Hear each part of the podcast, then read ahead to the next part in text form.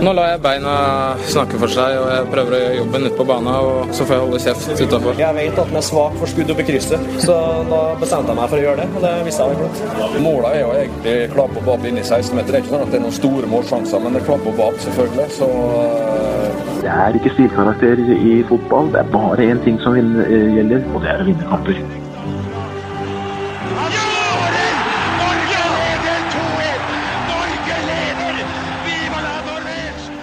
Og der er uh, toppfotball tilbake igjen. Uh, denne gangen så vi, uh, sitter vi på gangen, rett og slett. det har skjedd en dobbeltbooking i Moderne Medias nydelige studio, som gjør at nå sitter vi ute i produksjonsfasilitetene her i denne podkastfabrikken. Lasse Wangstein, velkommen. Takk for det, Martin Ropstad. Når du sier at vi sitter på gangen, det føles ut som vi ikke blir prioritert. Nei, det er ikke, det er ikke riktig. En dobbeltbooking kan skje. Ja, uh, folk gjør feil. Uh, bare spør dommerne i årets eliteserie. Det skal vi kanskje snakke om litt senere, eller? Absolutt. Åh, det høres ut som dette er eh, skrevet på forhånd, men det er det ikke. Dette skjer nå. Dette skjer nå. Samtalen skjer nå. Jørgen Kjernås.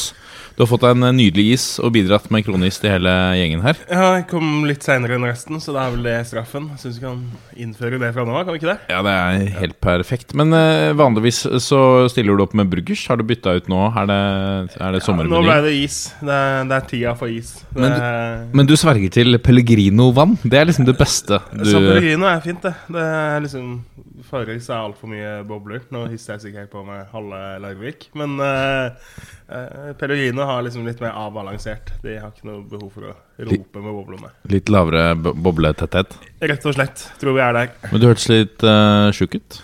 Litt forkjøla, så det Ja, sånn er det. Men du er klar til å dissekere et 14-0-tap? Ja, og... det er vi klar for. Så jeg var veldig skuffa over at du ikke spurte hvordan det gikk. For det pleier du alltid å spørre om. Ja, Hvordan går det med deg? Nei, da, Det går skikkelig dårlig. Okay. Eh, fordi på vei hit så gikk jeg jo forbi Oslo Spektrum, som vi jo holder til rett ved.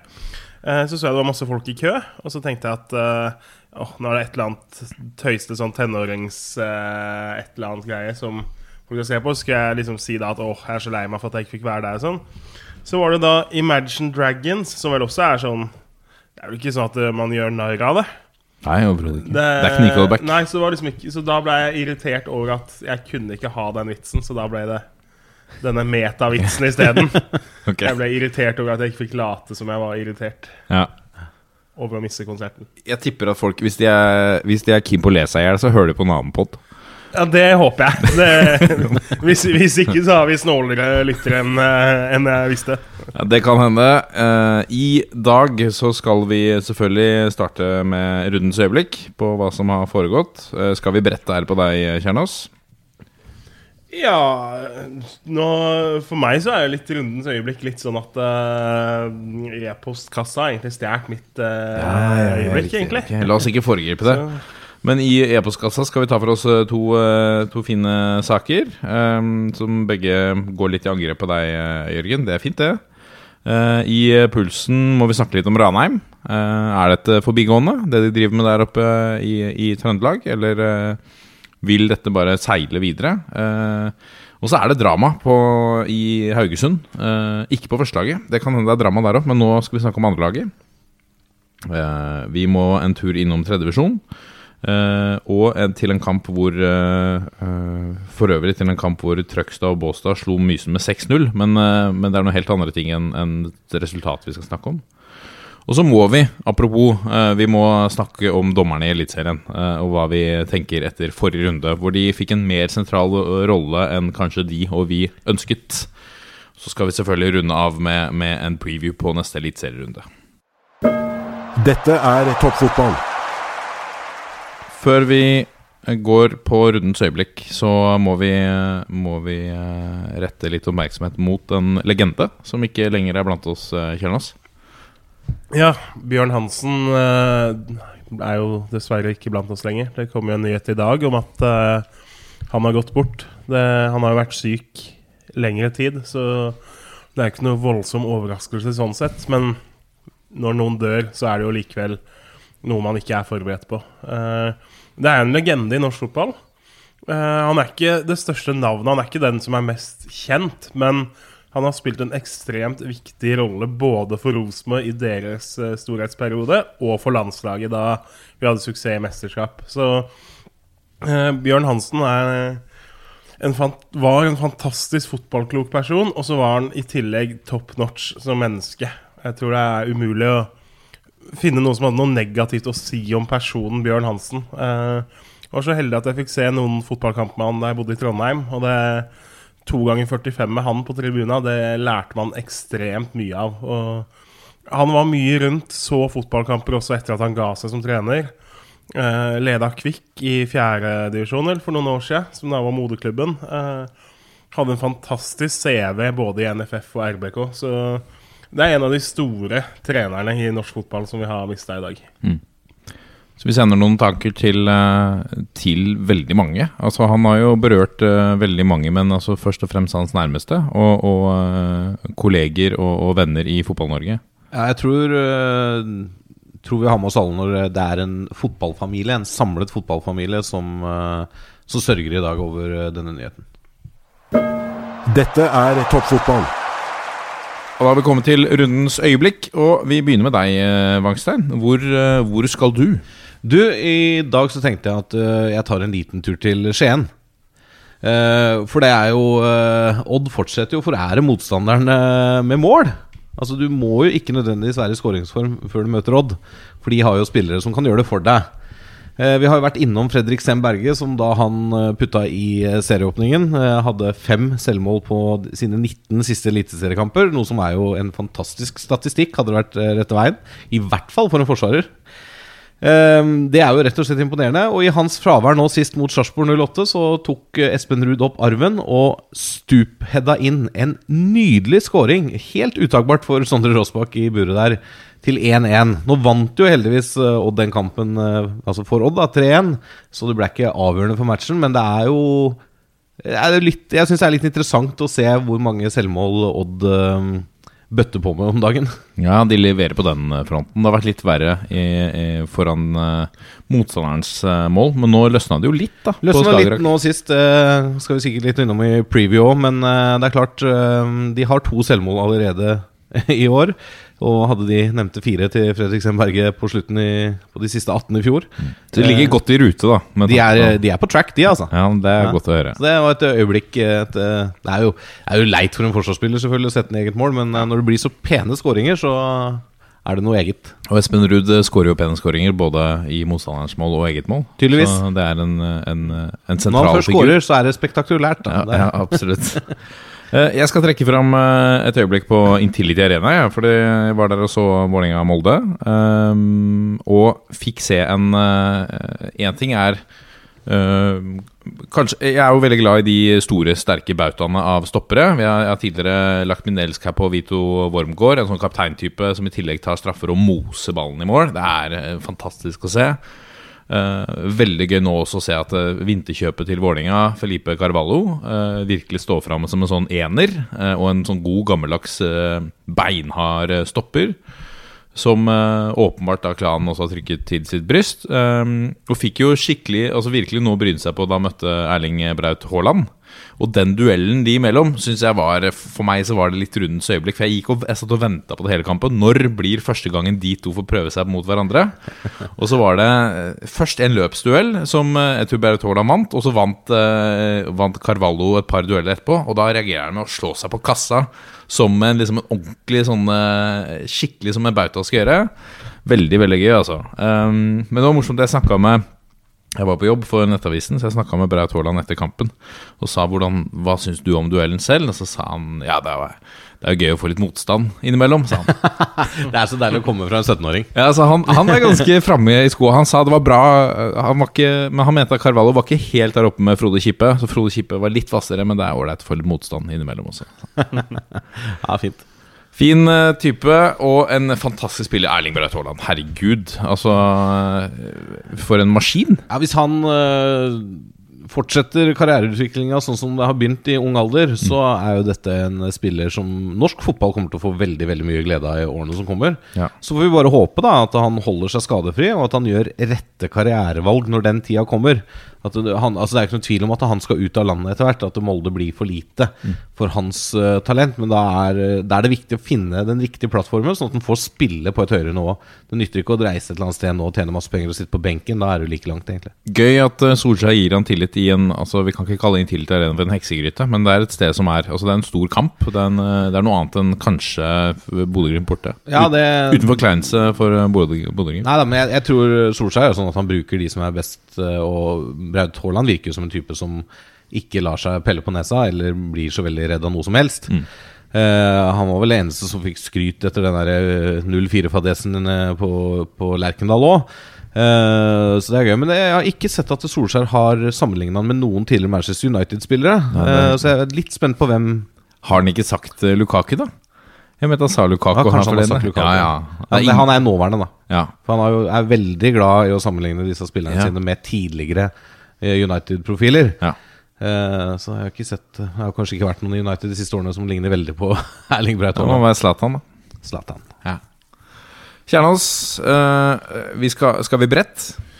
Ja, vi skal vel litt sånn eh, at vi skal nå litt crossover med postkassa, skal vi ikke det? Jo. Fordi vi har jo noen lyttere som faktisk kjenner oss så godt at de skjønner hva vi kommer til å snakke om. De begynte å forutse hva du har tenkt å ja, prate om. Ja, men akkurat denne var jo litt selvsagt, da. Fordi vi skal jo til tredjedivisjon.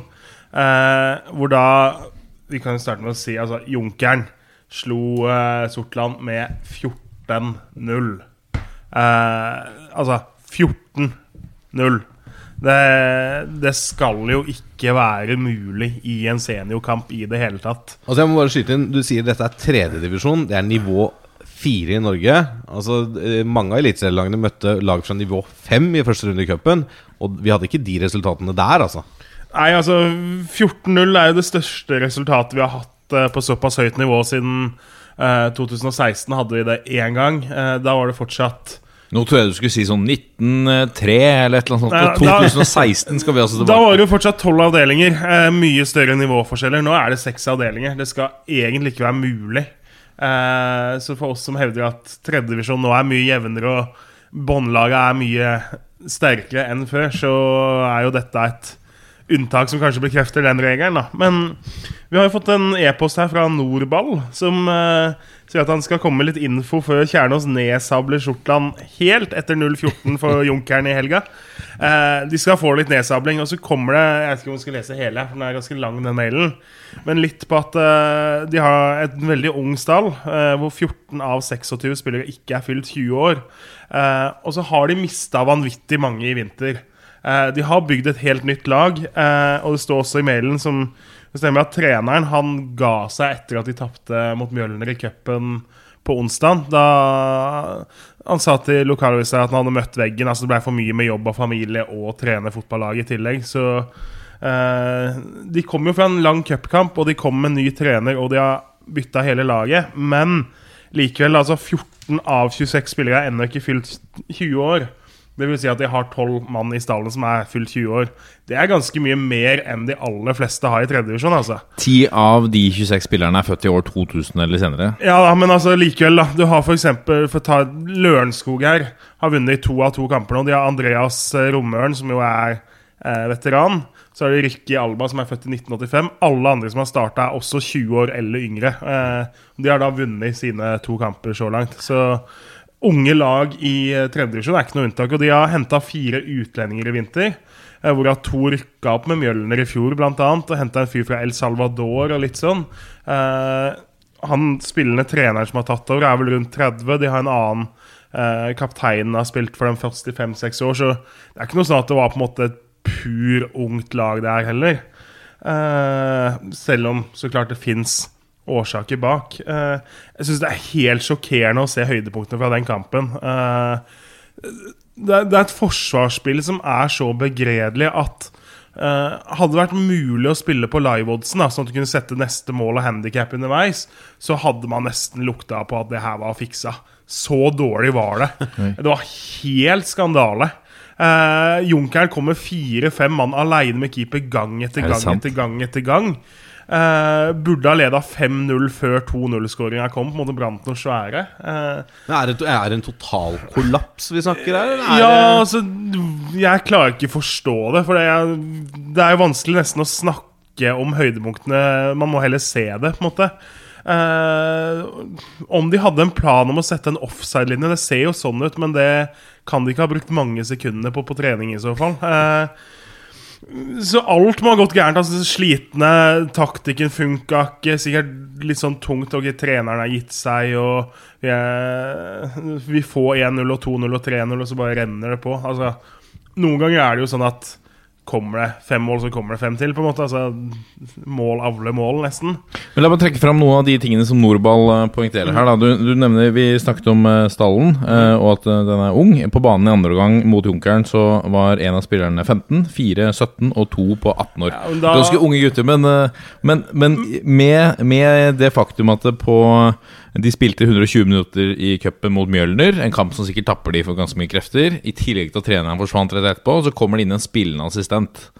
Uh, som, eh, som Jo, han, han har jo vært med lenge da På en måte og spilt lenge for det laget og sånn også, Så det uh, Og så spilte jo Junkeren Spilte jo også cup på onsdag Selv om de spilte en halvtime mindre da Ja. Eh, Så skal liksom ikke skille så vanvittig mye Og da de bytta inn på den her bøtteballetten av 15 år sånn, Så lå de under 8-0 til pause Ja, Så De har ikke tenkt å liksom- Med tross alt et lag som da Hvis du hadde tatt gjennomsnittsalder og sånn Så slår ganske mange andre i tredjedivisjon der altså Så de, de tenkte ikke der å, liksom, å, å redusere Altså redusere tapet, men heller bare gi folk sjansen? Jeg skjønner jo at du ligger under 8-0, så kan du la Altså, det er kjipt å komme inn på 8-0, da. Ja. Men du har ingenting å tape heller, så da kan du liksom la unggutta få prøve seg litt, de òg. Men Ja. er da Sortland så dårlig stilt nå at dette er et sånt tilfelle hvor vi kan tenke at uh, de kommer til å trekke seg fra resten av sesongen etter hvert? Fordi at de, de er så dårlige. Kommer de til å få like mye juling i kampene som kommer, tror du? Nå har de jo de holdt som sagt Altså de holdt Mjølner til ekstraomganger Mm. i cupen, som rykka fra i fjor. Uh, de tapte 2-3 i en jevn kamp hjemme mot Fløya sist. Fløya slo Lyn nå i helga og er uh, Lyns trolig tøffeste utfordrer i toppen. Mm. Så de har på en måte to gode resultater før skandaleresultatet. da. Ja, okay. Eh, Ja. Litt problem, De mista to spillere til nabo Melbo, som rykka opp til tredjedivisjon. Eh, klart Det er ikke så lett å rekruttere spillere, og de har henta en del fra fjerde, femte, sjette divisjon. Eh, unge gutter fra Stokmarknes og sånn. Eh, det, altså, det er jo tungt å fly rundt sånn, eh, men nå eh, har de vel Jeg tror de har Grei hjemme til helga, som også har starta med to tap. da uh, Det er ikke umulig at de vinner den. Altså, de er favoritter i den kampen på hjemmebane. Så men vi må også legge til, da. Uh, Ivar Unnhjem skårte jo fem mål i denne kampen. Han skårte to da jeg var så på han og laget mot Grei. Han har altså syv mål på to seriematcher i år. Hvor gammel er han, da?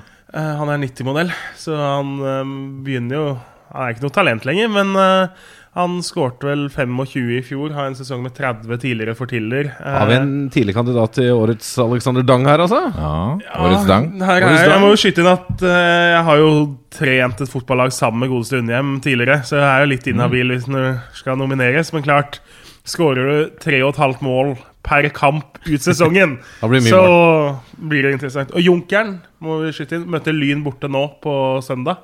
Eh, Junkeren har jo da starta med to seire. Lyn har da én seier og ett tap. Så jeg tror ikke Lyn gleder seg til å møte et lag som kommer fra en 14-0-seier der, altså. Nei. Men uh, vi har sett det ofte før. De som kommer fra en stor seier, på, kan gå på en smell. Uh, men men eh, samt, samtidig så må vi snakke om at Eller snakke om, vi kan jo nevne at det må vel være uh, den dårligste starten til en ny trener noensinne. Jeg tror vel aldri vi, vi har sett, eller kanskje aldri får se, at en ny trener Man, man fikk jo ikke helt den effekten man ønsker å få kanskje når man bytter trener. men Men her var det en som trakk seg, så blir det litt annerledes. Men 14-0 i første kamp, det er ganske hardt, altså. Dette er toppfotball. E-postkassa er ikke tom. Eh, Der dunka det inn en mail fra ingen ringere enn Svein Roppestad, som er eh, min eh, far, han som ga meg livet, i fellesskap med min mor, som ikke har sendt inn e-post. Hei til deg, Svein. Selv om han skriver Hei, sønn og gutter. Selv om det er tidlig, kan det jo minne fotballekspert Kjernås om at Ørn vant 6-0 over laget han tippa på femteplass ved sesongslutt. De to lagene han tippa øverst, står med ett poeng etter to kamper. Ja da, veit det er litt tidlig i sesongen, men det er moro med et tabelltips. Til helga møter vi Åsiden, som han tippa nest sist, så da bør det bli minst tosifra. Hilsen far. Ja, det, jeg liker jo Han har gjort en god jobb i cherrypicking uh, her. Absolutt. Eh, Klart, Ørn eh, vant jo da 6-0 over et pur ungt Start 2.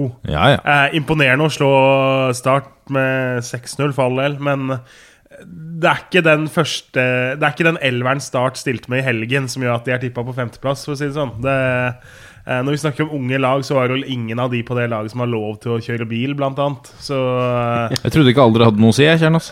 Nei, aldri eh, har ikke så mye å si, men på fotballbanen så har det noe å si om du stiller med åtte heltidsspillere eller null Ja. for et annet lag. Men for all del, Ørn eh, imponerende med 6-0 der, men 1-1 hjemme mot Stål er ikke helt opprykkstakter, det heller, da. Nei. Uh, og så må jo skytes inn at de lagene som står med ett poeng etter to kamper uh, FK Tønsberg har jo da møtt Vindbjart og Porsch, som jo er de to største favorittene i avdelinga. Men eh, var litt overraskende meg at du tippa de på førsteplass. Ja, litt, litt sjanse må vi ta. Ja. Uh, og så er det jo litt i beregninga der at Tobias Hem Han er jo skada nå. Han bøtta inn mål for Halsten de to siste sesongene. I fjerdedivisjon? fjerde divisjon. I tredjedivisjon. Tredje. Ja. Uh, han er jo ute et par måneder, så det, det er jo tatt inn i beregninga at de skal ta mer poeng de 18 siste rundene enn de åtte første, på en måte. da Litt med at når han kommer inn, så har de en som skårer ett mål per kamp, minst. Uh, det har de ikke nå.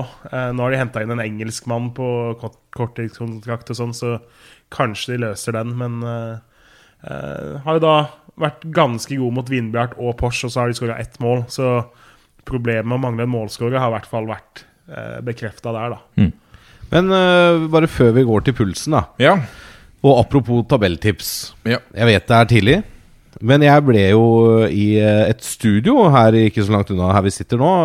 eh, Nesten litt sånn latterliggjort for mitt tabelltips i Obos eh, før årets sesong, da jeg sa at jeg tror Notodden kan bli en overraskelse. Og Men det er tidlig i sesongen, på Det tiendeplass. det Hvordan syns du det gikk så langt, Tidlig. Martin? Vi skal videre i sendingen. Nei, de, de har jo De gjør, det jo veldig bra. De imponerer. Ja, absolutt. Eh, Imponerer Er du, selv meg som tippa er du villig til å ta et nytt veddemål på Nei, det er jeg ikke. Eh, Slutt plassering? med veddemål. Timesekspressen til Notodden eller et eller annet, og henge litt på Statoil-stasjonen der og Ja, så tilbake igjen. Det, det jeg kunne, Du kan jeg lese litt bok. Ja, men det er klart, du, du har fått litt bekreftelse. Du fikk jo også bekreftelse da Jan Halvor Halvorsen var i studio her og fortalte at de har noe på gang. Så det, det jobbes jo godt i den klubben, så det kan hende at eh, folk her, såkalte eksperter, og, og andre har vært litt i overkant kritiske. Mulig. Men uh, ingenting, er jo, og, og, ingenting er jo bedre enn å komme fra, fra Hva sier man? Slå fra undersiden? Um, eller noe sånt. Et lignende Paradise Hotel-variant av et uttrykk. Det skal vi sikkert snakke om litt i pulsen òg. Ja. Men vi må jo si, altså sjukeste med Notodden er jo Erik Midtgarden, som nå bøtter inn mål. Han skulle jo egentlig legge opp foran, eller trappe ned foran forrige sesong. Han ga seg i Mjøndalen etter 2016-sesongen. Så endte han jo opp da med å dra til Notodden, og endte jo opp med opprykk der. Nå er jo plutselig han toppskårer i Obos. Eh, så han er god til å skåre mål. Han er ikke så god til å trappe ned. Det er han ikke. Nei. Men jeg, altså, Midtgarden er jo Jeg, jeg syns jo det er litt gøy med draktnummeret. Jeg er jo ikke veldig fan av sånn 99 og 89 og sånn. Men Midtgarden hadde jo tieren i Mjøndalen. Jeg syns ikke han var en sånn typisk tier, da. For det, du, du må være litt ek, eget for å være tieren. I Notodden har han 19. Nå burde han jo åpenbart hatt tieren. ja. ja. Altså Han må få bytta seg drakt, ja, ikke sant? rett og slett.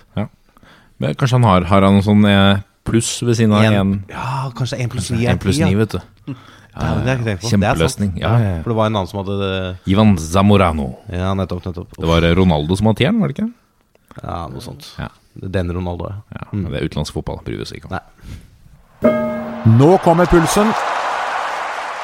Og da har vi kommet til pulsen, og vi starter eh, dagens eh, puls med et eh, fyrverkeri av et eh, fotballag eh, som eh, står nå med fire seire på fem kamper. Det er ikke Rosenborg, men de er trøndere. De heter Ranheim. Hva er det som skjer, Wangstein? Nei, eh, det vi først og fremst kan si, selv om folk hører dette i etterkant, er at vi spiller jo inn nå klokken syv onsdag. Akkurat nå har Brann tatt ledelsen borte Yes. mot Ranheim i serieåpningen. Gullet skal hjem. Gullet skal hjem. Men eh, altså, Ranheim har jo imponert eh, alle. eh, ikke minst inkludert meg selv, som har hatt litt eh, Ranheim-fokus eh, de siste månedene. Det får en si. Ja, ehm, De har jo altså et trøkk i spillet sitt, en spilleglede. De er samspilte, og de, de virker rett og slett som de trives med fotballen og i hverandres selskap. da Eh, De koser seg ute på banen der. Eh, og de har jo mange år imponert, gjerne i vårsesongen i Obos, før de har falt av litt på høsten. Eh, så de er vant til å vinne fotballkamper eh, når snøen går, og når varmen kommer. Eh, sånn sett, og det har de kanskje tatt med seg. Um, og så er det en veldig morsom historie med dette at det er nesten bare trøndere. Det er vel bare kaptein Master Reginiussen som ikke opprinnelig er trønder, men har vært der så lenge nå at den nesten regnes som en trønder. Uh, og du ser det når de spiller òg, dette med disse overhoppene de har, og hvordan de slipper ballen To runder på rad. Det er ikke tilfeldig heller. Nei, to- det er fordi at de vet hvor de har lagkameraten Ja. til enhver tid. Så det, dette er en så innarbeida spillestil i den gruppa. De har ikke gjort mye sånn veldig mye skifte liksom, før sesongen heller. Eh, og det funker, selv på et nivå opp, da. Ligner de mer på Rosenborg enn Rosenborg, eh, Kjernås? Hvis du tenker på spillestil, så gjør de det når du forbinder Rosenborg med 4-3-3 og eh, kommer rundt på kanter og eh, indreløpere som kommer på dype løp og alt det, så eh, har de i Svein Målen en trener som er ekstremt god på akkurat det systemet. Uh, de er veldig tydelige. Det er lett å komme inn De har jo henta mange juniorer fra RBK. Lett å ta den overgangen sånn spillestilmessig, fordi uh, du får akkurat det samme. Uh, og så spiller de jo uten press. Start Lillestrøm nå, eksempel, som har starta dårlig, begge to. Eh, Der er det ganske høyt stressnivå, tror jeg, hos noen allerede. Altså. Ranheim, om de taper de 24 siste matcha i år og bare ender på 12 poeng, så kommer ikke de til å grave seg ned eller gå konkurs eller sparke trenere og styreformenn. Og, eh, de har jo på en måte en frihet som ingen av de andre lagene har, sånn sett. Og det smitter litt over på på en måte eh, slipp ned skuldre av entusiasme på banen. Det minner meg litt om Mjøndalen eh, da de kom opp for noen år tilbake. Med litt sånn entusiasmen og den derre go-en og komme litt og overraske, på en måte. Men Mjøndalen var mye, følte jeg da var mye mer at de forsvarte seg inn til disse seierne. De lå litt bakpå. Men altså, Ranheim føler jeg faktisk prøver å angripe. Altså, De er fantastiske på kontringer og, og ligger jo tett i ramma, på en måte. Men jeg føler at det er en helt annen angrepskraft i det Ranheim-laget enn det vi så i Mjøndalen for noen år tilbake. Og det er veldig morsomt å se på når det, det spillet lykkes, da. Men hva er det som truer et lag som Ranheim nå? Altså, eh, denne, hva skal vi si, De er, de er i medgang, de er i flytsonen. Eh, Det fungerer for de. Hvor lenge kan noe sånt fungere? Og, og er det sånn at eh, til sommeren at kanskje noen av de andre klubbene i Eliteserien kommer til å plukke litt spillere fra deg? Ja, det, det kan jo hende, men altså, det som eh, på en måte truer de nå, kanskje er at nå har de i alle kamper, eh, inkludert eh, i dag mot Brann, så har de vært underdogs. Det er ingen som har hatt noen forventninger til det, så de kan bare komme og kose seg. Eh, Framover nå så må de, uansett hvordan det går mot Brann i dag, så må de forvente for, eh, favorittstempel, i hvert fall hjemme på Ekstra Arena. Det blir en ny hverdag for Ranheim. Altså, for sånn er det bare. Når du vinner så mange kamper eh, tidlig i sesongen, så får du et favorittstempel uh, når du Og det, det kan gjøre noe med eh, inngangen til kamp. Altså, det er sånne små ting mentalt som kan spille ut på resultatet, da. Um, det, det kan selvfølgelig hende at det holder seg litt utover sesongen, det her. Og, og uansett da hvordan det her går, så har de jo nå uh, syv poeng ned til ellevteplassen. Og ni poeng ned til kvalikplassen før kampen mot Brann i dag. Så det skal noen runder til før de havner i sumpa. Selv om de skulle begynne å gå på en del tap på rad.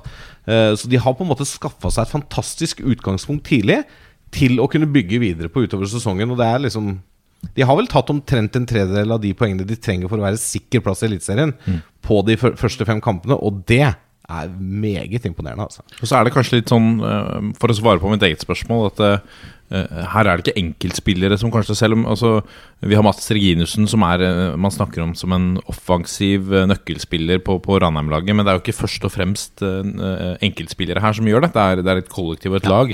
Og det gjør jo kanskje at plukker du Kristoffer Løkberg ut fra Ranheim og putter ham på Lillestrøm, så er det ikke sikkert at det fungerer like godt, på en måte. Nei, det er flere eksempler på det i fotball, at en spiller som ikke funker et sted, funker veldig bra et annet sted, og vice versa. Ja. Men uh, favoritter veit jeg ikke om jeg er enig i at det kommer til å være så veldig mange kamper framover. Jeg satt og så litt på eh, programmet nå. Uh, Vålerenga hjemme, Rosenborg borte, Odd hjemme, Kristiansund borte, Molde hjemme, Bodø-Glimt borte, Sarpsborg hjemme, tøffere Strømsgodset borte. Og så kommer Start hjemme i runde 15. Ja. Uh, jeg mener jo at oddsmarkedet er det som på en måte viser deg hvem som faktisk reelt sett er favoritt. og sånn Eh, Odd hjemme kan bli ganske jevnt oddsmessig. Eh, start hjemme, hadde, hadde det vært nå, så hadde de vært favoritter der. Men ingen av de andre kampene er, kommer de med noe favorittstempel. da Jeg mener jo, uh, Dette kommer vi til preview, for jeg har den kampen. Men jeg mener jo at de, i kraft av prestasjoner så langt i år, er åpenbare favoritter mot Vålerenga på lørdag. Ja. Men det kan vi komme tilbake til. Absolutt. La oss gå videre til Haugesund. Og Nei, jeg har lyst til å si en liten ting til Ja, om riktig. Ranheim. Eh, fordi vi nevnte jo at dette er jo seriestarten. Dette skulle være Eliteseriens første kamp. Uh, Ranheim-Brann Den ble utsatt pga. banens beskaffenhet. Det var jo noen bergensere som hadde reist til Trondheim for å se serieåpningen. Og noen av de har da valgt å reise i dag også. 80-tallet. Og da syns jeg Ranheim har gjort noe helt fantastisk. Eh, de har betalt hotellopphold for disse åtte. De byr på en VIP-middag på stadion før kamp. Eh, og eh, Lidahl, lederen i Ranheim, sier at dette er bare en symbolsk handling. Eh, liksom For å på en måte vise at supporterne er viktig. Eh, han sier å være fotballsupporter i 2018 er noe av det vakreste du kan være. Vi i klubben og forbundet må behandle det med den største respekt, understreker han i en uh, artikkel her. Og jeg syns det er så fint, da. For de, han sier Brann-supporterne var konstruktive sist, når det ble avlyst etter de hadde kommet opp. Mm. Og har på en måte lyst til å gi noe tilbake for at de faktisk reiser fra Bergen for andre gang. For de fikk sånn skikkelig bomtur sist. Ja, det var ordentlig bomtur. Og det har jeg lyst til å hylle Ranheim Fantastisk. for. For det er, altså Ranheim er en klubb med et lite budsjett Ja. og lite penger, men de byr på det her. Som det, tar jo ikke det knekker jo ikke budsjettet deres. Nei, nei, men det betyr mye personer. for de åtte bergenserne Ja. som kommer en gang til. Uh, og det har de fått mye skryt av. Det var uh, Uh, en profilert uh, Brann-supporter, Gjert Moldestad, som uh, gjorde meg oppmerksom på dette på Twitter i dag. så takk til det, Gjert. Men det, er en, eh, det er en nydelig sak, rett og slett. Og sånt er jo med på å bygge den kulturen og den lagånden kanskje internt. Og det, det gjør kanskje at de som også spiller på Ranheim, blir enda stoltere da av å representere en klubb som, som Ranheim. Slår seg har de ekstra verdiene, på kassa. ja. Ja. Ja. Kjempe, kjempekult. Uh, stor, uh, stor kred til Ranheim. Eh, jeg kom på vi må This just in. Vi, eller vi snakket jo litt før, før sending i dag, og det går sterke rykter om at Magnus Powell eh, kanskje kan på vei, være på vei ut, eh, Kjernås? Ja, eh, Magnus Powell har jo vært en eh, trenersignering som eh, mange undra seg litt over. da Han kommer inn som helt fersk, har én sesong bak seg i førstedivisjon før han fikk sjansen i Eliteserien. Eh, og så er det dette evige da som er, vi har snakka litt om, og som mange andre har snakka om, at eh, der har de et vedtak i klubben om at de skal spille 3-5-2, eventuelt 3-4-3.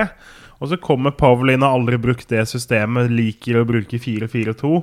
Nå har han bytta system og har spilt med 4-4-2.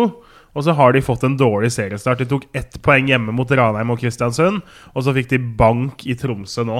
Eh, så de har fått en dårlig start, og så eh, I dag da så skriver Sandefjord Blad de har at eh, Han var ikke på treninga på onsdag, skal ha hatt et møte med styrelederen isteden. Da begynner man jo å gjøre seg opp noen tanker om hva som skjer når treneren heller må sitte i møte med styrelederen, og styrelederen vil ikke si til Sandefjord Blad om uh, Powell har tillit eller ikke.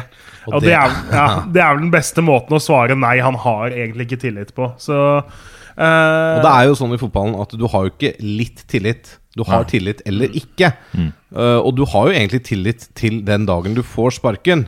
Men et så ullent svar fra styrelederen i Sandefjord her er det noe som skjer, og, og det går vel noen rykter også. Jeg leste en kommentar i blant annet. Det går jo noen rykter på at det spiller, både spillergruppa og uh, trenerteamet hans har en del misnøye med Powell og hvordan han gjør ting.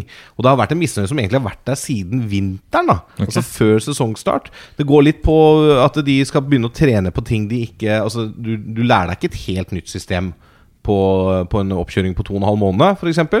Um, for han har jo den stallen og rover som er da drilla inn for å spille 3-4-3-3-5-2.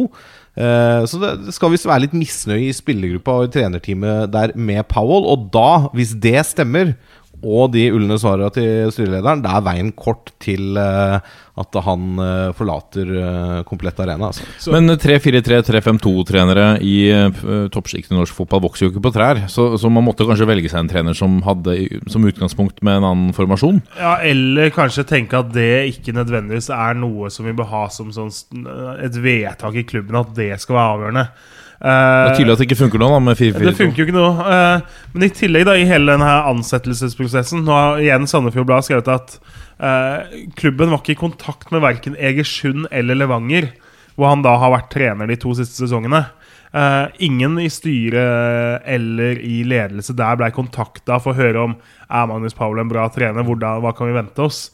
De har hatt inn et sånn her headhunter-firma som har på en måte stått for den personmessige og ledelsesmessige analysen, og så skulle Sandefjord stå for å vurdere de fotballmessige delene av de kandidatene de hadde, og så har man da eh, endt opp da sånn som det her. Og, og ikke snakke med tidligere arbeidsgivere når du skal ansette en trener, da, som tross alt er en ekstremt viktig signering og en ekstremt stor avgjørelse for en klubb.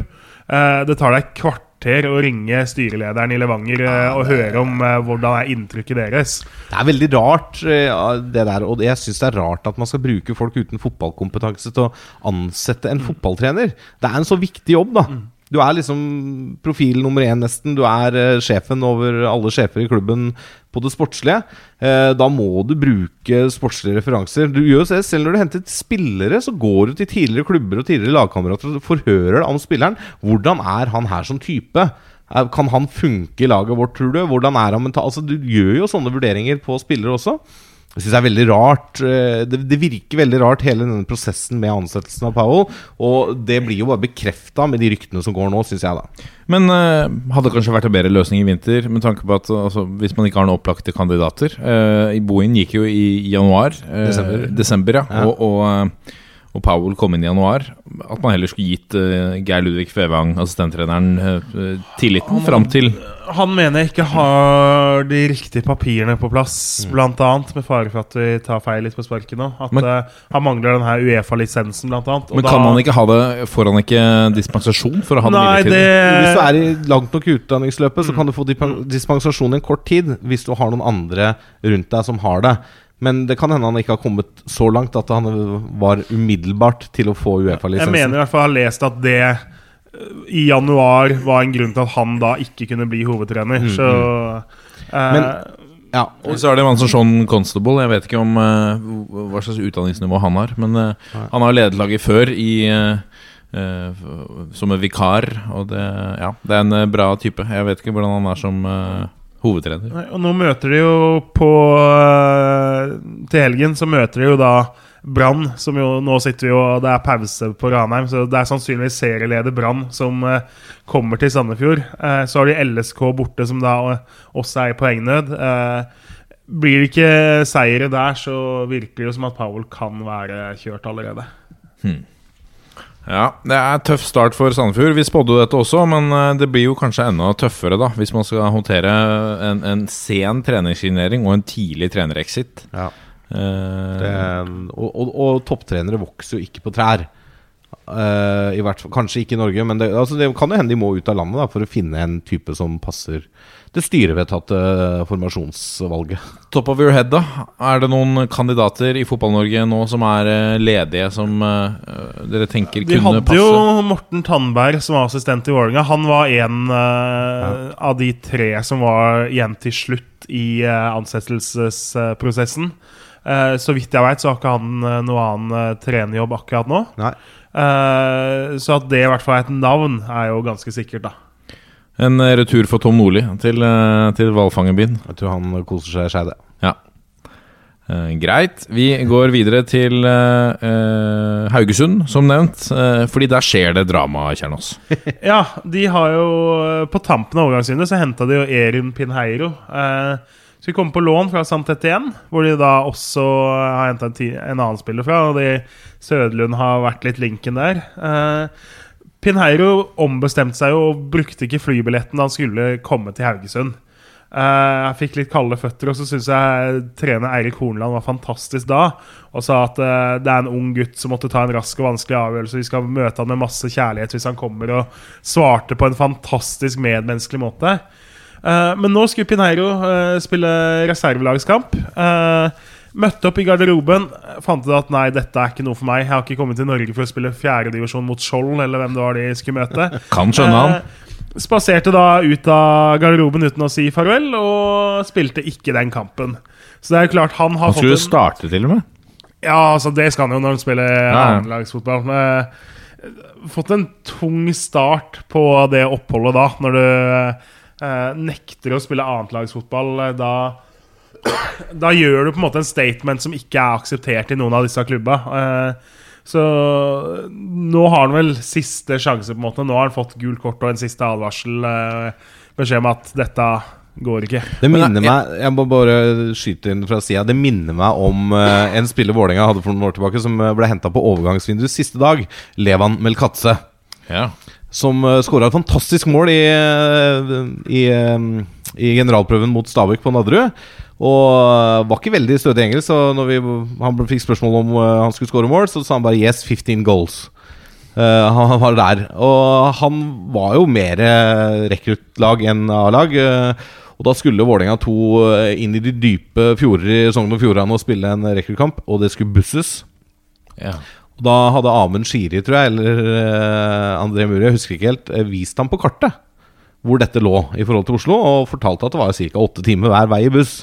Da hadde han tatt med seg kartet og gått inn til sportslig leder Lars Bohinen, pekt og bare sagt no, no. Han reiste ikke.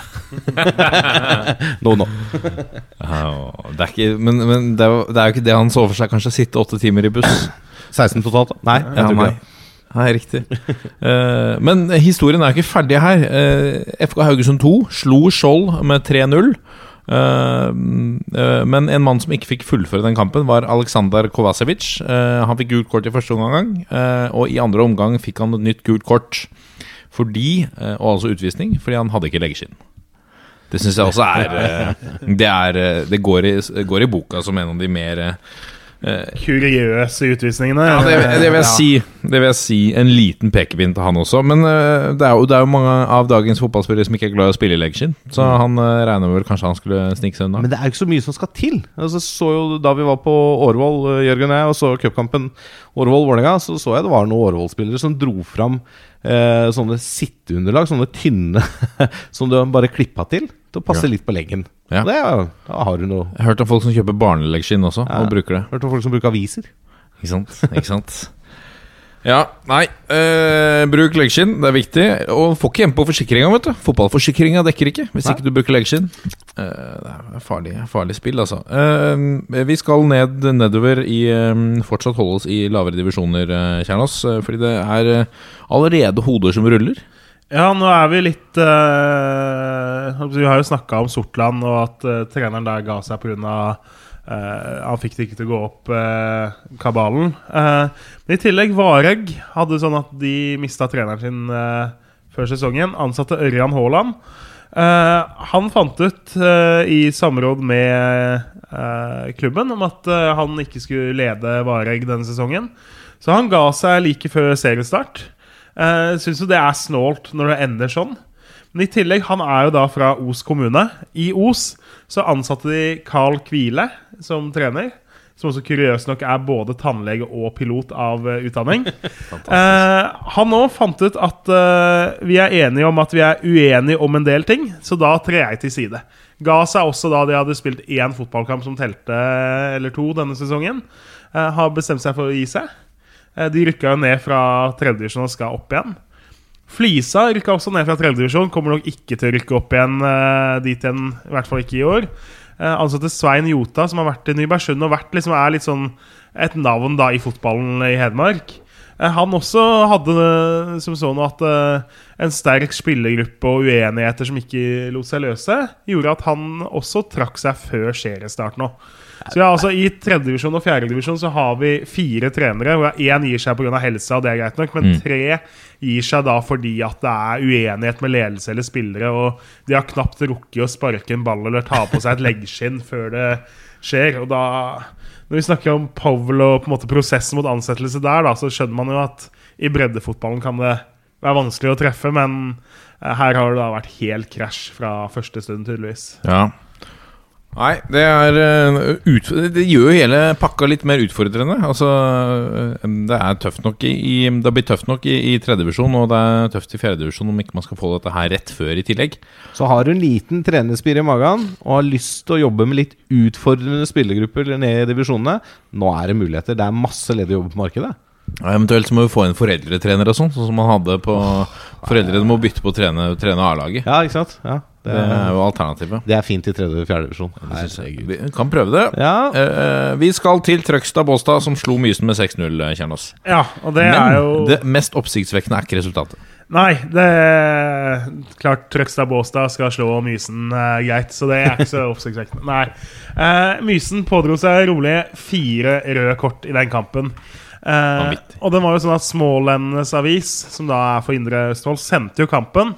Sånn at uh, det går an å se høydepunkter derfra. Og det Maken til gjeng, må man bare si. Altså. For det Mysen er jo da Det er ikke så lenge siden de var i tredjedivisjon og fjerdedivisjon og hadde et ok lag. Uh, I fjor så hadde de en kamp borte mot Drøbak Frogn 2 hvor det ble noen utvisninger og spillere som skjelte ut medspillere og måtte byttes ut og jages omtrent av gårde. Uh, og så møtte de Spydeberg nå. Da var det to spillere som uh, omtrent begyn eller begynte å slåss i garderoben. Altså medspillere. Eh, medspillere. Riktig. Eh, uenigheter. Og nå drar de på seg fire røde kort. Eh, jeg skal ikke skryte på meg inngående kjennskap til hva som skjer i Mysen, men det virker jo som eh, en kaosgjeng i sjette divisjon nå. Og Uh, Førstemann får rødt kort for uh, munnbruk. Direkte uh, rødt for å ha sagt Da har det vært uh, Nei, det kan hende det var andre gule, men eh, for å ha sagt et eller annet til dommeren, da. Uh, Andremann og tredjemann har litt sånn frustrasjon og drar på seg andre gule. Fjerdemann derimot, han har bestemt seg for å få rødt kort. Eh, da ligger du under 5-6-0, og han drar på en grisetakling av dimensjoner. Ettersleng. Får gult kort.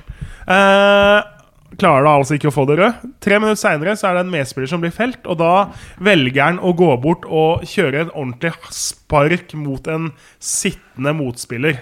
Ja, han treffer han bare sånn på sida. Hadde han truffet inn i brystet, så hadde det jo vært uh, uh, ubetinga fengsel. Altså, så, så han skal være glad han bomma eller klarte å styre seg såpass at han sikta på sida istedenfor å sikte på brystet. For det, det hadde vært det groveste vi hadde sett i norsk fotball hvis han traff ordentlig der. Shit. Vi har jo sett tilfeller i lavere divisjoner hvor man faktisk har gått til anmeldelse for, for liksom voldelig oppførsel. ja, og den siste der, som han kunne han truffet godt eh, eller truffet ordentlig der, så hadde det vært forferdelig. Men uh, altså, det er bare, jeg har lyst til å spørre Hva er det i vannet?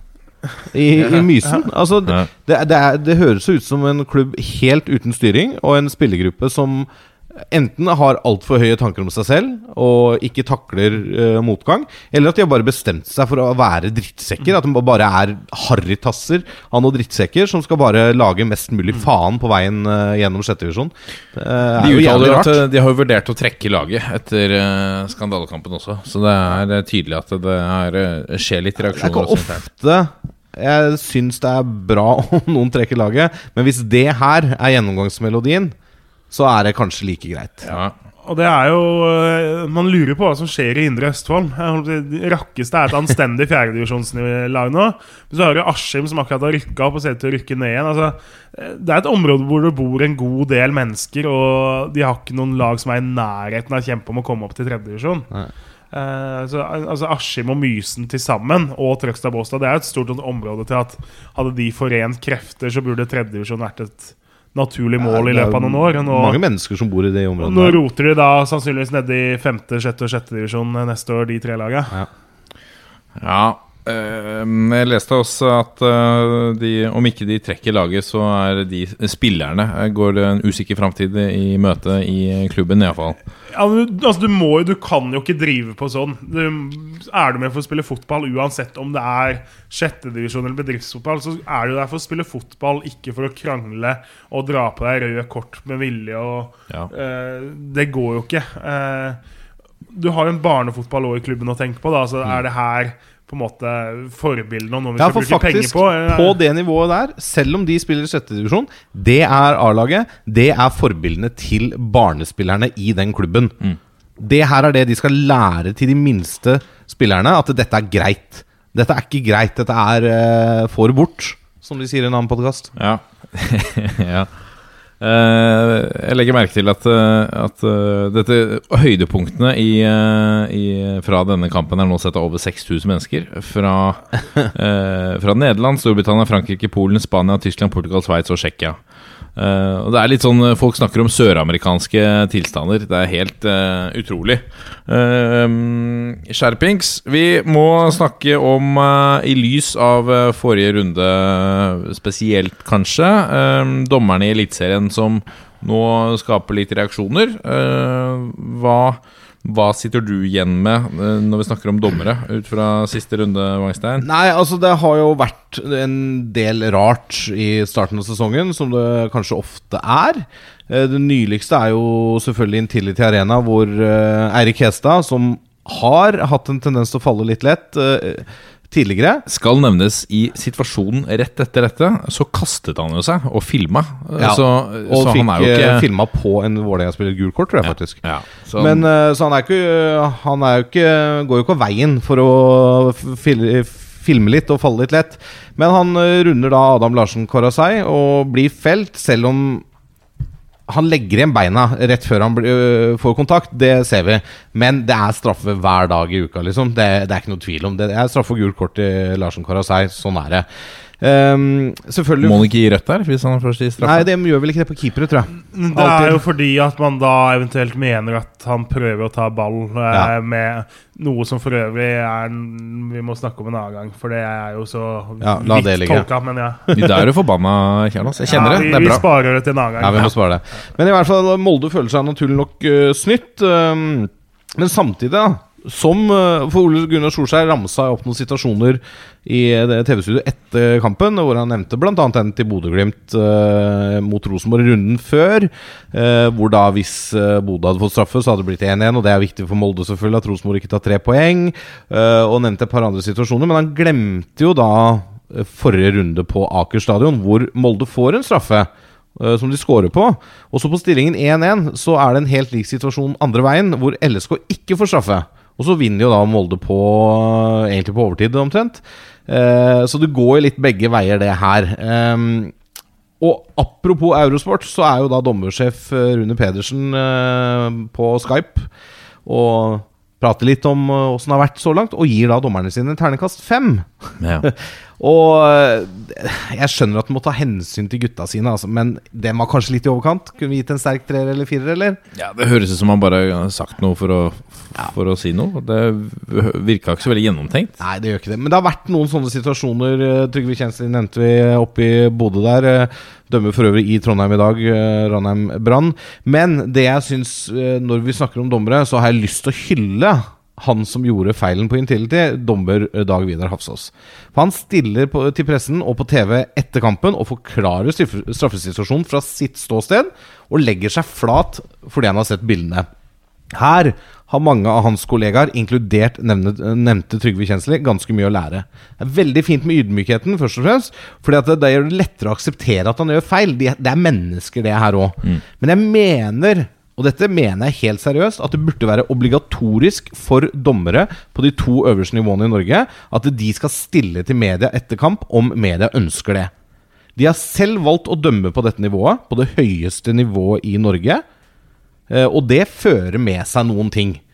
Eh, Det er en del dommere som konsekvent nekter å uttale seg, og som aldri innrømmer feil. Da blir du oppfatta som arrogant, og da er det lettere å se neste gang du gjør en feil. Altså, da, da for å bruke, for å bruke Lilleheie sin sammenligning en gang, eh, med tanke på kritikk mot landslaget Hvis ikke du stemmer ved stortingsvalg, så har du ikke lov å diskutere. Ja, ikke sant? Eh, Det er jo kanskje litt det samme her, da. Og ja. bare hvis vi snur litt på det At én ting er å, å, å klage over at pressen er så hardmodig, men da må du jo kanskje eh, uttale seg litt selv også. Ja, så hvis man får de uttaler å og forklare hvordan de ser det, hvordan vinkelen deres er. Og, og også vise litt ydmykhet når de åpenbart har gjort feil. Ja. Vet du Det her fikk jeg ikke med meg. Beklager, eller beklager, jeg gjorde en feil vurdering. Det er greit, det. Det er lov å gjøre feil vurdering. Det skjer hele tiden, det. Ja. Eh, Så her, Dette mener jeg rett og slett bør være premiss for å dømme i toppdivisjonen i Norge. Det er at du stiller det på intervjuer etter kamp hvis det er ønskelig fra pressens side. Og hvis noen føler seg usikre da å stille opp til pressen, så er det såpass mange eh, kompetente kommunikasjonsfolk i NFF og rundt NFF som kan gi dem medietrening. Altså, det her eh, må bare innføres, for det vil gjøre jobben lettere, og det vil skape mindre diskusjoner og sånne eh, debatter rundt dommerne, dommernes innsats. Det er i hvert fall min mening. Dette er toppfotball. Og da har vi kommet til preview på neste eliteserierunde. Eh, og vi begynner på Ekstra Arena eh, Ekstra Fort, eh, Wangstein. Er det ikke det Ranheim nå er i ferd med å, å gjøre det om til? Ja, de så langt eh, før dagens kamp mot Brann, så er det jo det. Nå ligger de under 0-1 til pause. Eh, men eh, uansett hvordan dette ender for Ranheim mot Brann i dag, så møter jo Vålerenga et topplag som ligger eh, to poeng eller mer foran, foran dem. Eh, De møtes for første gang i historien. Ja. Så det er jo en eh, spennende aspekt her. Det er ikke så mye statistikk å hente ut av eh, dette her. Men vi har jo snakka så vidt om det. Ranheim har imponert stort. Ja, de fikk det tøft på Alfheim, men der er det, som vi har sagt før, mange som kommer til å få det tøft i år. Uansett hva du heter. Før hengekampen mot Brann så har de vunnet fire av fem kamper etter opprykket. Og Det er mer enn noen kunne forvente. Eh, og de tok altså en meget sterk borteseier mot Lillestrøm. Et eh, poenghungrig eh, og poengdesperat Lillestrøm eh, sist. Og jeg syns egentlig de vant ganske fortjent òg på Åråsen. Og de har herja eh, hjemme på eget kunstgress. Eh, det her, jeg nevnte det i stad, dette blir en voldsom utfordring for uh, Vålerenga. Jeg, jeg har Ranheim som favoritter.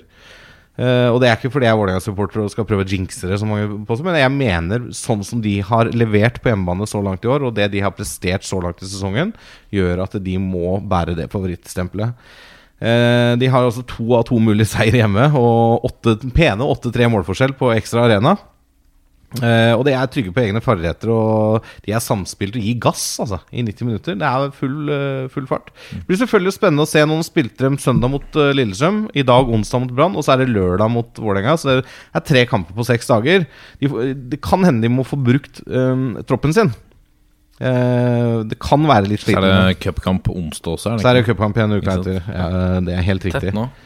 Uh, Vålerenga er før denne runden og hengekampen seriens beste bortelag, med to seier og ett tap. Um, og Ranheim er jo da naturlig nok et av de beste hjemmelagene. Uh, så jeg tror dette kan bli en uh, morsom kamp. Uh, på en liten, intim uh, arena. Uh, og for de som er såkalte groundhoppers uh, i Vålerenga-land, så er jo dette en ny arena å, å få på lista. Så um, Nei, Ranheim, eh, små favoritter i eh, den kampen her. Men eh, det blir jo spennende å se hvor lenge de klarer å holde trøkket oppe, da, selvfølgelig. Og så syns jeg jo Det var det siste jeg skulle si. Jeg syns jo Vålerenga har eh, tok noen viktige steg mot Molde, selv om de er litt heldige i straffesituasjonen. Vålerenga har slitt voldsomt mot topplag eh, de siste åra. Eh, Hjemme mot Molde så var det ganske solid. Vi nevnte Filipe Filippe Carvalho som eh, Mr. Boof, som er, virker som en granittblokk eh, bak der. Og det stoppeparet med han og Tolles Nation ser solid ut, rett og slett. Jeg syns fortsatt det går for tregt sentralt på midten der. Det er mye øh, Hva kaller man det på norsk? Altså balltransportering. Så går, Det går for sakte med Magnus Lekven. Det går for sakte med Daniel Fredheim Holm. Og mot, altså, det er egentlig litt rart at det ikke blir straffa hardere mot det. De får noen brudd på det mot Molde. Eh, men men foreløpig så det, Jeg syns den sentrale midtbanen ikke er god nok. Eh, jeg syns Samuel Kari Fridjonsson eh, viser eh, Meget lovende takter. Mot Molde så så det ut som de bytta litt på å ha Lekven og Daniel Frenum Holm eh, sentralt, dypt, ja. og i indreløperrollen. Eh, det tror jeg også kan være et smart grep, at eh, du flytter Fredheim Holm inn i indreløper litt høyere banen. eh, så han kan komme litt nærmere kassa, for han har en fin fot. Ja, ja, Eh, det viser absolutt. jo i Kristiansand. Jeg bare syns det går litt tregt, og kanskje spesielt med Lekven. Det er spennende. Men, så nå eh, har jo Ernest Agiru Agiri fått noen innhopp eh, de siste kampene. Ja, Eh, det er en spiller de har hatt veldig troa på i Vålerenga. Mm. Fikk forlenga låneoppholdet nå. Eh, før forrige sesong så var det jo store ord om han.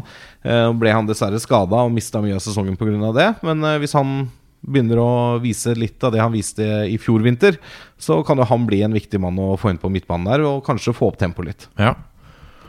Vi skal til Sandefjord. Som er de i en krise nå, Kjernås? Ja, det har i hvert fall fått en seriestart som gjør at uh, det vi alle forventa med, med at uh, de skal ligge i nedrykksstriden, det ser ut til å skje. Uh, I mine øyne så er det i øyeblikket det svakeste laget i Eliteserien mot det beste laget i Eliteserien. sånn som tingenes tilstand er nå. Sandefjord har jo skal man trekke fram noe, da, så har de jo scora OK. De har scora ti mål. Det er kun eh, tre lag eh, som har mer enn det. Eh, til gjengjeld så har de sluppet inn hele 16. Eh, 16 baklengs på seks kamper. Det skjønner jo alle som har fullført fjerdeklassematte at ikke går an. Eh, møter da Brann, som til gjengjeld har to baklengs, med mindre de slipper inn nå de siste 35 mot Ranheim. Eh, sett ekstremt gode ut bakover. Kompakte, trygge. Eh, et av de måla de slipper inn, er jo det her tøysete selvmålet til Acosta i Drammen, som jo eh, nesten ikke teller på en sånn statistikk. Eh, Brann, jeg roste dem sist uke. Jeg syns de ser fryktelig gode ut. Men så er det jo samme da, De har hatt hengekamp, møter Ranheim nå, bruker litt krefter der. Og så har jo de én hviledag mer enn Ranheim, for den kampen her er jo på søndag. Eh, likevel så at Sandefjord har hatt fri at Brann spiller, gir noen få prosenter til Sandefjord. Men uh, klar borteseier når du skal tippe her Uh, altså, Brann skal vinne den kampen her. og Jeg tror de vinner den kontrollert og greit, sånn som de har gjort i de fleste kampene så langt. Selv om Sandefjord skulle finne på å bytte trener. Ja, nesten UA eller formasjon. For da kan det komme inn en, eh, en dark horse plutselig og gi en effekt med en ny Ja, ny trener. jeg tipper jo Altså, nå har vi kommet oss til onsdag kveld. Uh, jeg tipper jo at Powell får den kampen her. Det er snålt om meg. Uh, Sparker du en trener, så skjer det jo som regel dagen etter kamp, eller i hvert fall to dager etter.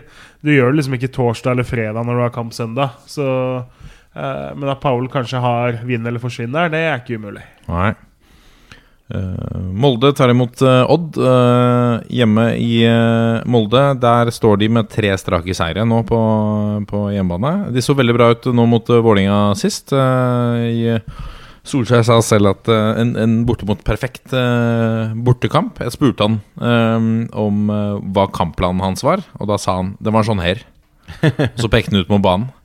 Så det må mangle et par skåringer, og han følte seg jo veldig snytt for, eh, for straffesparket. Så hadde, hadde de fått det som de skulle fått, så hadde, og, og ifølge Braut Haaland Han hadde satt den straffen hvis han hadde fått den, sa han. Så, eh, så hadde det vært en perfekt eh, bortekamp. De ser, de ser bra ut. Um, Uh, litt bedre omsetning på sjansene der, så sitter det. Uh, Odd uh, med en sterk seier hjemme nå mot Sarpsborg sist. Eh, de var jo Eliteseriens tredje beste hjemmelag i fjor, Odd. eh, og de er helt avhengig av å gjøre Skagerrak Arena til et eh, fort hvis, hvis skal hvis de skal motbevise våre spådommer at de hører hjemme i Sumpa. For de var jo tredje svakest på bortebane i fjor i hele Eliteserien. Uh, Det er ikke noe gøy å komme til Aker stadion, vet du. Nei, uansett ikke. Du har den, den statistikken i bagen fra i fjor. Uh, og i år så har de uh, to seire, én uavgjort, ett tap. Eh, men de to, de to tapene kommer mot Vålinga og Godset på bortebane. De vinner ikke borte fortsatt. Stat eh, statistikken mellom disse lagene tilsier 3-1-2. Eh, Molde har overtaket der. I fjor så møttes lagene, og da var det Molde som tok det lengste strået. Petter Strand og Thomas Amang med skåringene for hjemmelaget, og Jone Samuelsen som skåret for Odd. For Molde så er de tilnærmet skadefrie. Eh, etter hva jeg kan se. Jone Samuelsen og Birker Riise er usikre, mens eh, Torgeir Børum fortsatt er definitivt uh, ute av dette oppgjøret. Jeg tror uh, med statistikken til grunn, nå vet jeg vi ikke skal bruke så mye Kanskje legge så mye vekt på det, men det pleier å spille en rolle. Likevel så, så, så tenker jeg at dette er en grei hjemseier. Men det er en helt annen kamp enn Vålerenga borte. Så, så tross at det funka på Intility så må de legge om spillet sitt nå. Men han, altså, han har jo et arsenal av en eh, spillerstall, eh, unge Solskjær. Så um, jeg tror på en hjemmeseier. jeg.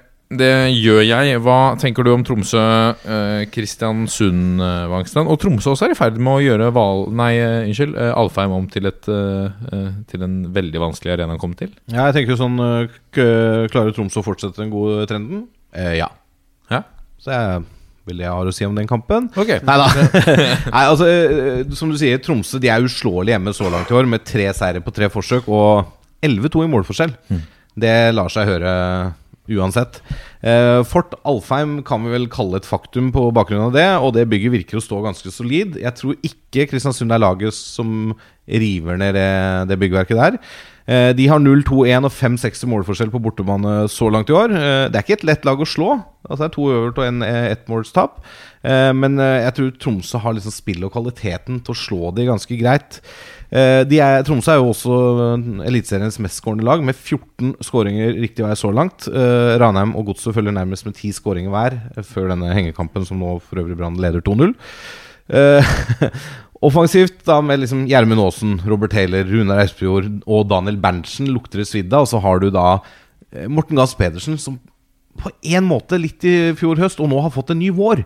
Han er solid, han gjør mye riktig valg, han er klok, han er erfaren. Um, og Berntsen har også fått en ny vår etter overgangen fra Vålerenga, som mange andre før han har gjort, etter å ha forlatt uh, Oslo. Eh, de møtes for femte gang i historien. I fjor endte det 1-1 på Alfheim, eh, og KBK vant 4-1 i Kristiansund. I 2014 møttes i Obos. Da vant Tromsø 3-1 på Alfheim, og det ble 1-0 til KBK eh, i Kristiansund. Så statistikken er sånn. Det er de fem, fire kampene de har. Men jeg tror Tromsø har kvalitetene til å gjøre det veldig veldig vanskelig for Kristiansund på, på søndag. Ja.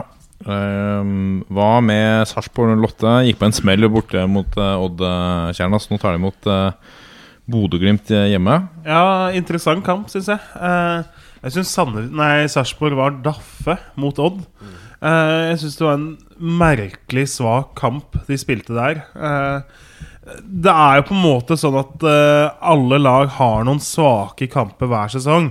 Men de så nesten energiløse ut. Altså, det de imponerte med, bl.a. da de knuste Vålerenga og vant 3-0 Da var det jo som å spille mot uh, sånne her pirajaer som hadde fått to bein. Altså De var overalt, og de var i beina på deg før du fikk tenkt deg om. Uh, de, de var helt jævlig å spille mot, på godt norsk. Uh, umulig å få tid med ballen. Odd fikk rom, de fikk tid. Sarpsborg var der hvor ballen var for et sekund siden. Veldig utypisk dem, som det på en måte er en trend eller et 90 minutters arbeidsuhell. Blir interessant å se. Men uh, nå har de jo da to tap på rad og uavgjort i kampen før.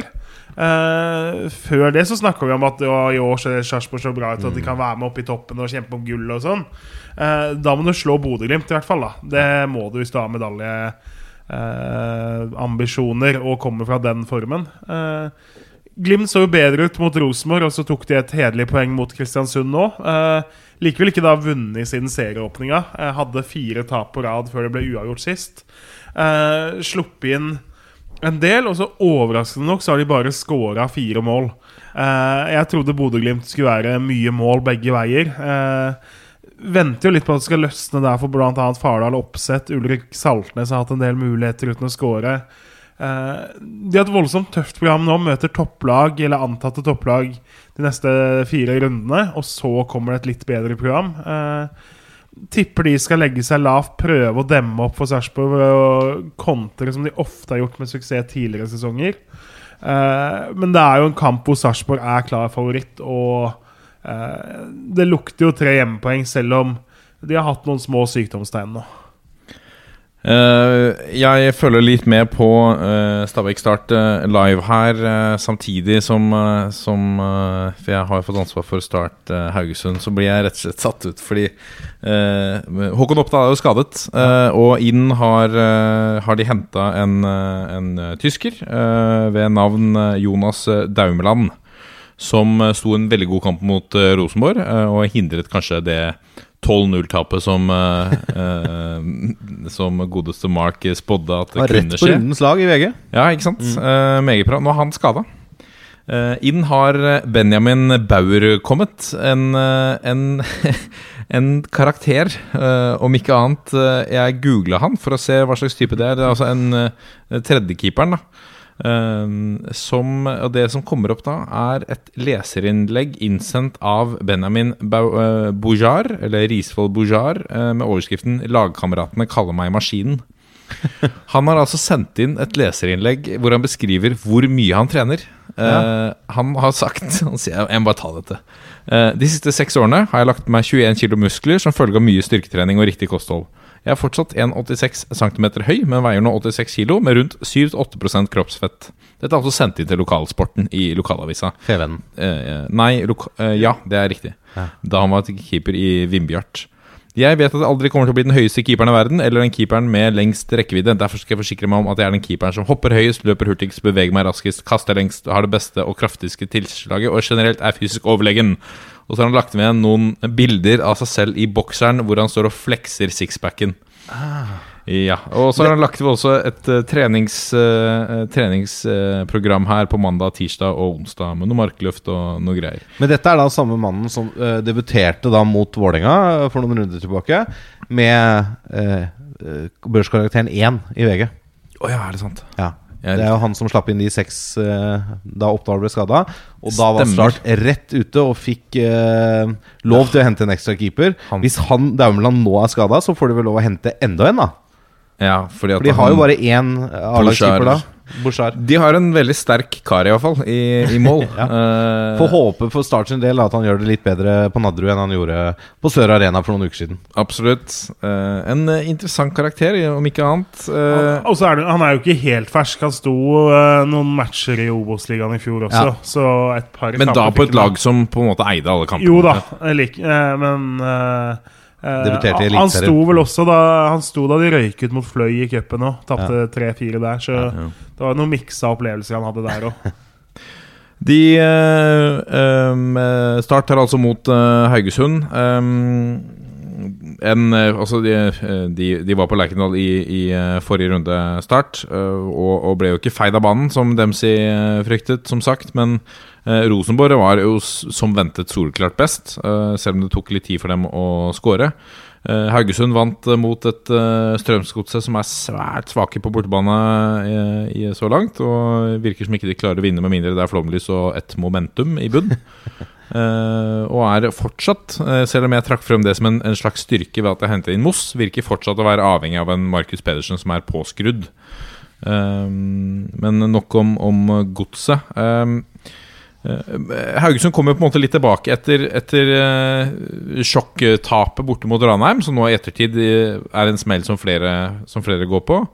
De har hatt litt varierende prestasjoner og resultater så langt. Stilte riktignok uforandra etter Ranheim-kampen, nå mot, mot Godset, og vant 1-0. Så de, han prøver å spille inn en kontinuitet der.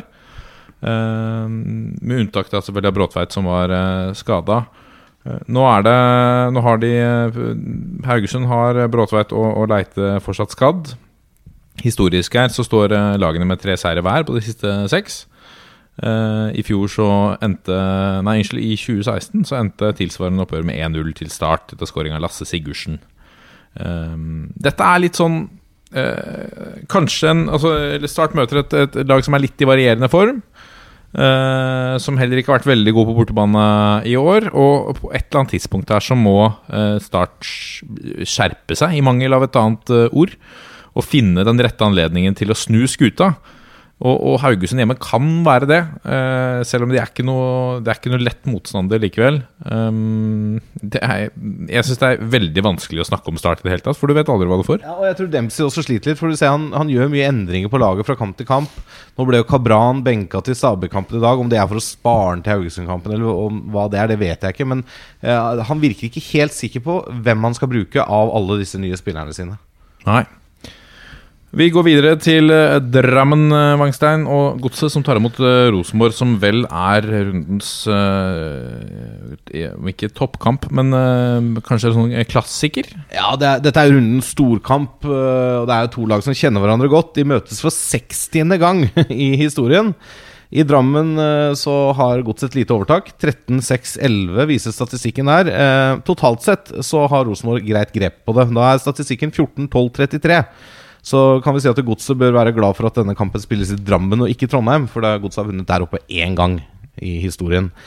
Eh, Godset har, som du så vidt nevnte, variert voldsomt i år. Fra det helt fantastiske borte mot Vålerenga til å være helt nakne eh, borte mot Tromsø noen dager etterpå. Um, det er vanskelig å bli klok på de, rett og slett. Uh, det er som du sier, det virker som de er avhengig av at uh, Markus Pedersen har anledningen og er i draget. En kamp mot uh, gullfavoritt Rosenborg bør jo være en anledning for at Markus Pedersen er på jobb. I flomlys, hjemme i, Drammen, klokka 20.00 mot Rosenborg. mot Rosenborg. Um, så det Det kan jo være på en måte tungen på vektskåla. Men det er vanskelig å bli klok på Rosenborg òg, syns jeg. De har vel egentlig ikke imponert noe særlig, bortsett fra i hjemmekampen mot Molde. De var så der mot start. De vinner 2-0 helt greit, liksom. Um, og har plukket jevnt og trutt med poeng, sånn at de er med i toppen.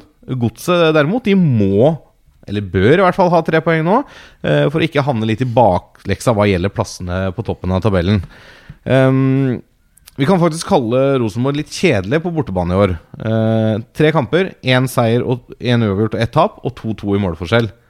Det lukter jo ikke svidd av de uh, tallene. Eh, Godset hjemme er jo hakket mer spenstig. De begynte med to øvert, og så fikk de den 3-0-seieren mot Odd, hvor eh, Markus Pedersen skåra hat trick i eh, andre omgang. Um, så jeg syns det er en sånn kamp som er vanskelig å spå noe utfall av. Um, ganske åpen kamp. Um, Rosenborg skal jo og bør være et bedre lag totalt sett enn Godset. Men de har jo ikke imponert spillemessig så langt. Kan fort bli U her, altså. Nå skal jo selvfølgelig ja, Jeg ville helgardert den på tippekupongen. Hvis jeg skulle gjort det Men nå skal jo selvfølgelig Rosenborg spille mesterfinale i morgen torsdag eh, på Åråsen mot Lillestrøm. Men der er det vel venta at eh, de elleve som starta mot start, de er ikke med fra start mot Lillestrøm. At eh, Kåre Ingebrigtsen ikke tar den, det trofeet der og den kampen der på med det største alvor, selv om det er en tellende kamp og de sikkert har lyst til å vinne. Men jeg tror det blir mye sparing av spillere i den kampen for å være klare til oppgjøret i Drammen eh, tre dager senere. Kommer det til å være Rosenborg 2 mot Lillestrøm 2 i den mesterfinalen? Og så får vi si sånn, Jeg tror både Rosenborg og Lillestrøm stilte med sterkere lag i den eh, treningskampen eh, i eh, LSK-hallen, som da ble spilt eh, fordi eh, Fordi mesterfinalen ble avlyst rett før sesongen der. Nå ble Lasse Bangstein litt eh, satt ut der, for nå kommer superstjernene i uh, Pyro Pivo og Ja, Heia Fotball inn døra. selveste Morten Galaasen kom inn døra nå. Heia fotball! Det jeg skulle si LSK har jo varsla at de skal ikke gjøre så mye bytter. Jeg hadde gjort et par endringer. Var Gary Martin blant annet skal starte. Men kommer til å stille ganske toppatrolig mot eh, LSK. Nei, mot Rosenborg. De trenger jo en god opplevelse, LSK, som vi nå straks skal snakke om. Uh, Kjernås. De, det kan jo være anledningen.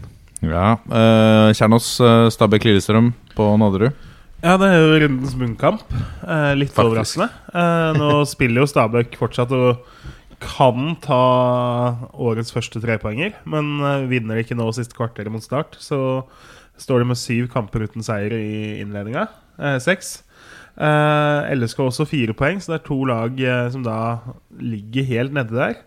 Eh, som kaver litt sånn Har en del av de der typiske bunnlagtrekka. Altså får dårligere betalt enn de føler de skulle hatt, og kanskje skulle hatt, og litt dommeravgjørelser som går imot. Og, uh, men kampen mot Ranheim nå, det var et trist skue. Altså, det var begredelig. Uh, skapte knapt sjanser og så helt dødt ut. Uh, Stabæk òg har sett veldig lite Stabæk-aktig ut. OI ikke helt påskrudd der. Midtbanen har ikke helt funnet sin konstellasjon. Ja, og Eh, jeg er misfornøyd med hvordan de spiller. At de spiller mye på tvers. ja, det er helt riktig. De er altfor omstendelige og for treige med ballen. Så det her er jo to lag som For to år siden så møttes de jo i en viktig nedrykksduell her, hvor LSK vant til, og omtrent berga plassen på det. Eh, den kampen er ikke like viktig ennå, men eh, det er to lag som virkelig trenger en seier nå. En kamp hvor det er vanskelig å spå utfall, men jeg syns ikke det lukter mye mål av den eh, matchen der. Mens du sitter her, så tok akkurat Stabæk ledelsen 1-0 mot uh, Ja, der sikra vi den. Ikke sant. Nå er noen det oddskuponger som gikk nær her, Parkerer parkere bussen på Nadderud. Der, altså. Skal vi si det er greit, eller? Uh, har du noe Har du noe juice fra, fra breddefotballens dype skoger som skjer etter helga? Uh, noen potensielle oddsbomber eller annet snacks å by på Kjernos? Mm, ja, til helga så er vi Vi får vente og se. For det si, oddsen er ikke ute, så vi får ikke, vi får ikke røpe alt ennå. Er det noen rysere av noen oppgjør folk burde eh, sette seg på Nå har bussen vi og jo få med? snakka, da. Altså, Lyn Junkeren. Junkeren topper tabellen med 17 skåra mål på to kamper. Lyn trenger seier for å eh, ikke miste liksom, teten allerede der, da. Så det er jo en kamp som kommer til å få mye tredjedivisjonsoppmerksomhet.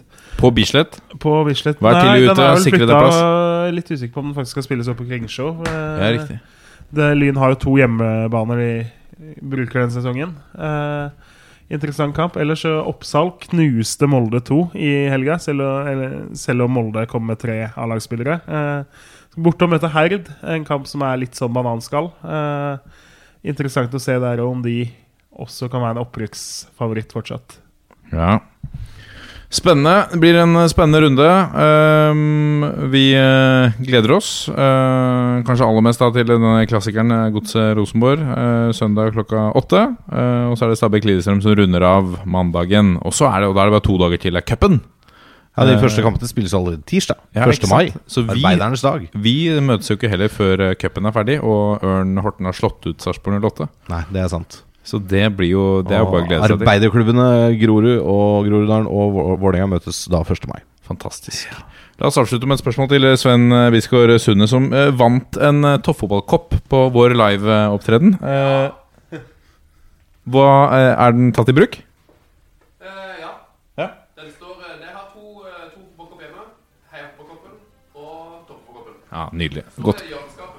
Ja, Perfekt. Fantastisk.